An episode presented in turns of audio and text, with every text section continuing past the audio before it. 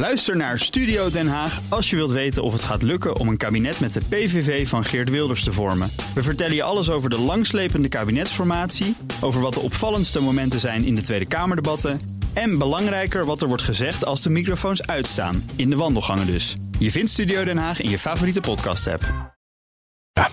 De column van Jaap Jansen. Het heeft geen zin om moeilijk te doen over Donald Trump, bedacht Mark Rutte toen duidelijk werd wat voor ongeleid projectiel de nieuwe president van Amerika was. De premier deed zijn best de gebruiksaanwijzing te ontcijferen en warempel, hij slaagde erin bij de Donald zelfs iets van respect te verwerven. Rutte sprak hem tegen voor de camera's in het Witte Huis. No, it's not positive. En adviseerde achter de schermen de president op zijn eerste NAVO-top zijn zegeningen te tellen. Alle lidstaten moeten in 2024 2% van hun bruto binnenlands product aan defensie besteden. Dat hebben ze elkaar in 2014 plechtig beloofd in Wales. Trump kwam mokkend binnen. Waar blijft Duitsland? Waar blijft Nederland? Maar verliet Brussel als triomfator. Omdat ik er steeds op aandring, geven ze nu allemaal meer uit. Op advies van Mark.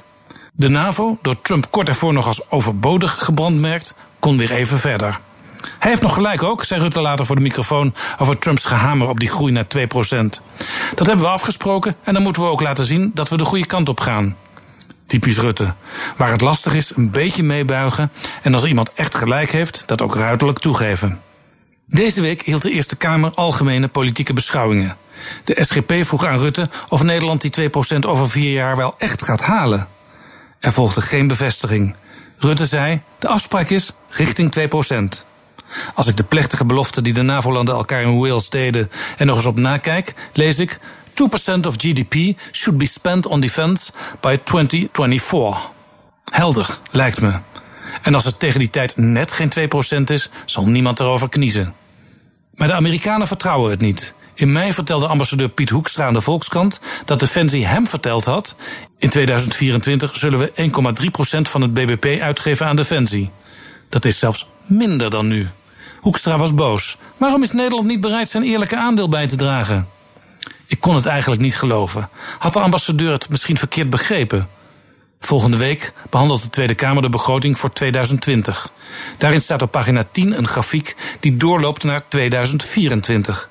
En inderdaad, op basis van IMF-OESO-cijfers geeft ons land dat jaar 1,3% van het BBP uit aan defensie. Precies wat Hoekstra gehoord had. Alleen Italië, België en Luxemburg spenderen nog minder. Het is dus veel erger dan de SGP deze week in de Eerste Kamer vermoedde. De officiële belofte van de NAVO-landen aan elkaar lapt Nederland aan zijn laars. Trump heeft gelijk, zegt Rutte. Maar hij krijgt zijn gelijk niet. En de Amerikanen, ze weten het. Jaap Jansen zei dat onze columnist op donderdag. En u kunt zijn column en alle andere columns van andere columnisten terugluisteren op bnr.nl in de BNR-app. En daar vindt u ook al onze podcasts. Ook Hugo Reitsma vind je in de BNR-app. Superhandig die BNR-app. Je kunt alle programma's live luisteren, breaking nieuwsmeldingen. Je blijft op de hoogte van het laatste zakelijke nieuws. En je vindt er alle BNR-podcasts, waaronder natuurlijk de belangrijkste, Boeken zijn in de wijk. Download nu de gratis BNR-app en blijf scherp.